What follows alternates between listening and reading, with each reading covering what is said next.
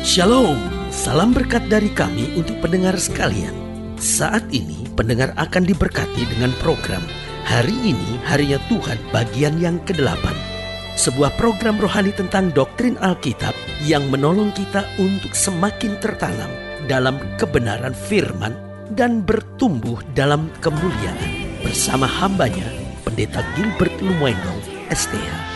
Banyak orang merasa doktrin Alkitab sebagai sesuatu yang membingungkan, tetapi tahukah saudara bahwa doktrin Alkitab intinya adalah memahami Alkitab dengan benar, dengan pemahaman yang sistematis, sehingga kita terus dapat tertanam di dalam kebenaran firman, sehingga kita terus bertumbuh di dalam kemuliaan Allah. Buka hati saudara sekalian untuk menerima berkat-berkat firman-Nya hari ini satu sukacita tersendiri untuk kita kembali masuk pada program kita ini.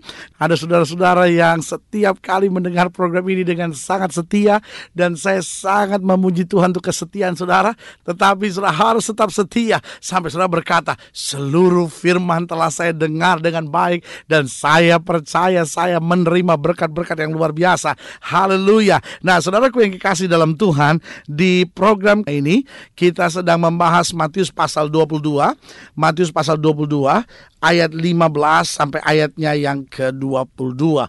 Matius 22 ayat yang ke-15 sampai ayatnya yang ke-22. Nah, hari ini kita sedang mau bicara tentang kata-kata manis. Saudaraku yang kasih dalam Tuhan, Kata-kata manis adalah kata-kata yang dirindukan oleh setiap orang. Saya ambil contoh sederhana, setiap istri pasti merindukan suaminya dapat berkata-kata manis. Lalu setiap suami pasti merindukan supaya istrinya bisa berkata-kata manis. Setiap anak-anak pasti merindukan supaya orang tuanya bisa berkata-kata manis. Setiap karyawan pasti berharap supaya bosnya bisa berkata-kata manis. Setiap bos pasti berharap supaya karyawannya bisa berkata-kata manis, teman, kenalan, apa pun. Kita semua ada pada satu kategori di mana kita nggak suka, kita nggak senang dengar kata-kata kasar. Tetapi tahukah saudara bahwa di bagian lain, bahwa kata-kata manis sering kali menipu. Lihat kenapa orang remaja putri misalnya mau melakukan hubungan seks sebelum nikah, padahal dia sudah tahu bahwa itu sebuah tindakan yang nggak benar, itu sebuah tindakan yang salah, itu sebuah tindakan yang keliru. Dia akan hamil dan dia akan mengandung sebelum menikah itu sesuatu yang sangat memalukan. Tetapi kenapa bisa terjadi? Seringkali karena kata-kata manis.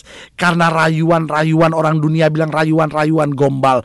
Lalu bodohnya si remaja putri itu mau mendengar, mau terpengaruh. Dan setelah uh, melakukan hubungan seks, lalu dia ditinggal, lalu dia dikecewakan, dia sakit. Nggak sedikit yang akhirnya jadi pelacur pinggir jalan. Nggak sedikit jadi anak-anak muda ABG di mall yang akhirnya jual di diri rela lakukan apa saja hanya karena apa? Hanya karena telah dalam tanda petik dihancurkan hidupnya. Karena apa? Karena kata-kata manis. Habis pendeta dia waktu ngomong janjinya selangit, tapi sekarang saya ditinggalkan begitu saja. Jawaban saya sederhana, kau tertipu dengan kata-kata manis itu. Lihat banyak orang juga tertipu misalnya soal keuangan gitu. Kenapa? Karena kata-kata manis. Jadi dengar baik, kata-kata manis bisa menjadi sumber kekuatan. Tapi kata-kata manis yang disalahgunakan juga bisa menghancurkan. Nah ini yang kita mau bahas hari ini tentang kata-kata manis di dalam Matius 22 ayat 15 sampai ayat 22. Matius 22 ayat 15 sampai ayat yang ke-22. Kemudian pergilah orang-orang Farisi. Mereka berunding bagaimana mereka dapat menjerat Yesus dengan suatu pertanyaan. Jadi orang Farisi ini terus mengejar Yesus dengan pertanyaan-pertanyaan mereka. Mereka menyuruh murid-murid mereka bersama-sama dengan orang Herodian bertanya kepadanya, "Guru, kami tahu bahwa engkau adalah seorang yang jujur dan dengan jujur mengajar jalan Allah dan engkau tidak takut kepada siapa pun juga sebab engkau tidak mencari muka. Wah, saudaraku ini perkataan yang sangat memberi gairah. Ini perkataan yang sangat indah. Ini perkataan yang sangat luar biasa. Saya ulangi sekali lagi apa perkataan mereka guru kami tahu engkau adalah seorang yang jujur. Wah, ini hebat.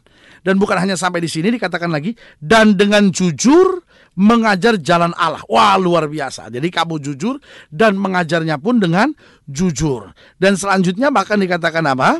dan engkau tidak takut kepada siapa pun juga. Wah, ini hebat ini. Lalu selanjutnya dikatakan, sebab engkau tidak mencari muka.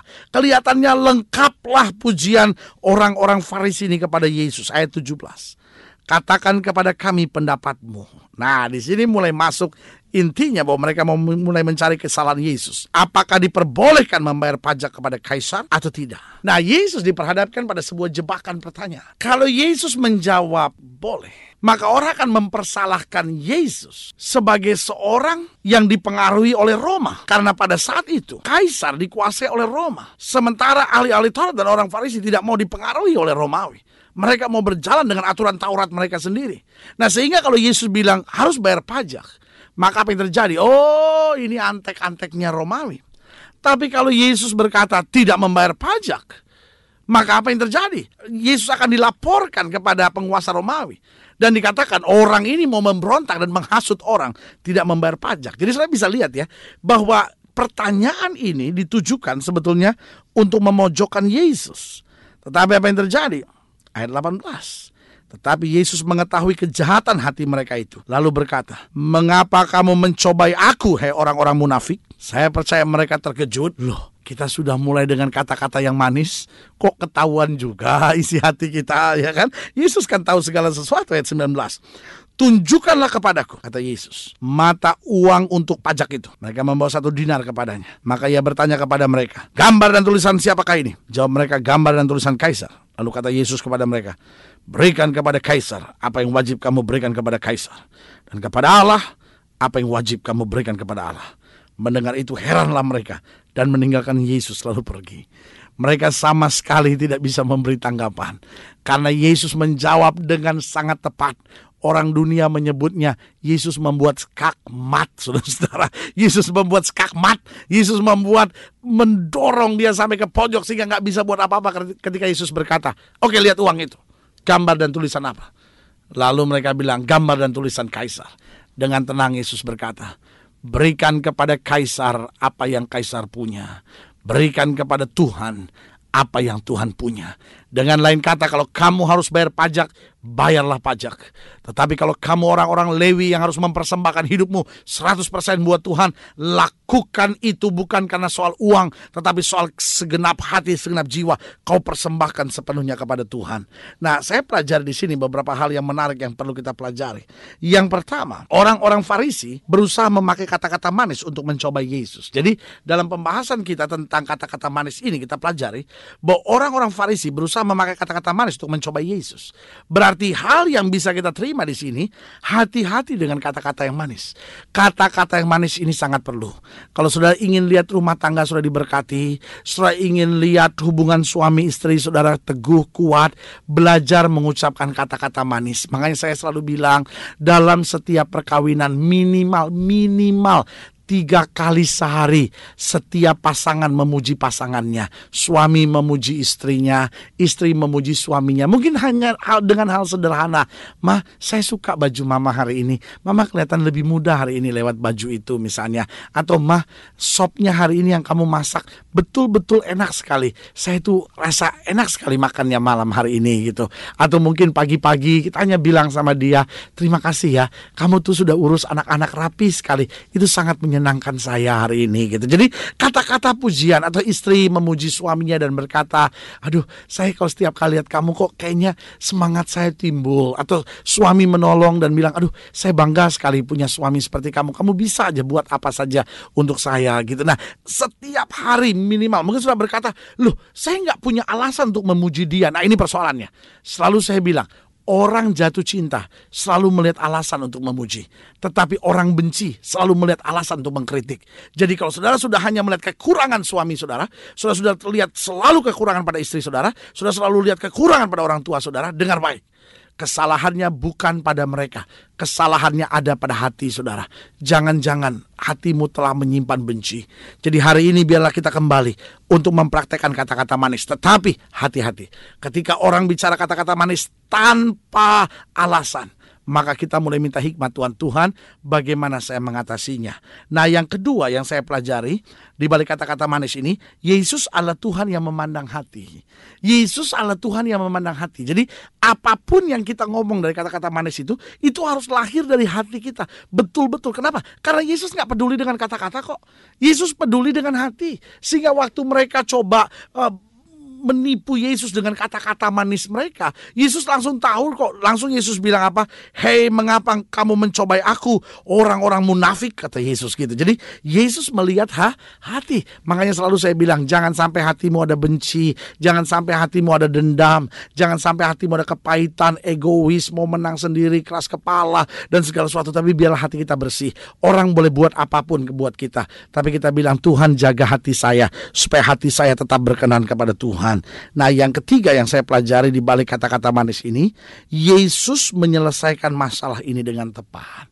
Yesus tidak langsung marah terhadap mereka. Yesus tidak langsung memaki-maki walaupun Yesus membuktikan bahwa dia tahu isi hati mereka. Tapi Yesus dengan tenang berkata apa? Gambar dan tulisan siapakah ini? Kalau gambar dan tulisan kaisar berikan pada kaisar apa yang kaisar punya, berikan kepada Tuhan apa yang Tuhan punya. Jadi dengan lain kata jelas di sini, Yesus menyelesaikan masalah ini dengan tepat. Saudaraku yang kasih dalam Tuhan, jika Yesus menyelesaikan kasus itu dengan tepat, masa dia tidak bisa menyelesaikan kasus sudah dengan tepat. Jadi kembali saya mau ingatkan bahwa hidup ini penting kata-kata manis. Tapi di sisi yang lain, kita harus hati-hati dengan kata-kata yang manis. Karena kata-kata yang manis bisa menjerumuskan. Kata-kata yang manis bisa membuat kita hanya ingin dipuji. Kata-kata manis bisa membuat kita akhirnya lupa diri. Kata-kata manis bisa membuat kita dipermainkan. Tapi kita harus sadar, hati kita harus bersih. Motivasi kita harus tulus. Hidup kita harus benar-benar terarah buat Tuhan. Tuhan, ketika orang puji saya, saya tidak boleh mencuri kemuliaan Allah. Ketika orang membicarakan tentang kelebihan saya, saya harus tetap sadar bahwa semua yang ada semata-mata hanya karena anugerah. Kenapa? Karena Yesus bisa menyelesaikan semua masalah dengan tepat. Berarti gak ada yang perlu saya khawatirkan. Hati saya harus tetap bersih sama Tuhan dan percaya bahwa Allah tetap Tuhan yang sanggup melakukan segala perkara. Nah saudaraku yang kasih dalam Tuhan, sekarang saya mau berdoa buat saudara. Karena saya percaya doa orang benar besar kuasanya. Mungkin saudara sedang sakit, mungkin saudara sedang berbeban berat, mungkin saudara sedang menghadapi masa-masa yang sukar, mungkin saudara merasa suami saudara sangat kasar sama saudara atau sebaliknya. Saudara merasa saudara kasar sama anak-anak saudara. Saudara merasa kasar terhadap suami saudara dan saudara berkata Tuhan saya mau sekarang mulai hari ini belajar menyelesaikan masalah dengan kata-kata yang baik dengan hati yang bersih. Karena saya percaya Yesus akan menolong saya memampukan saya untuk menyelesaikan masalah dengan tepat.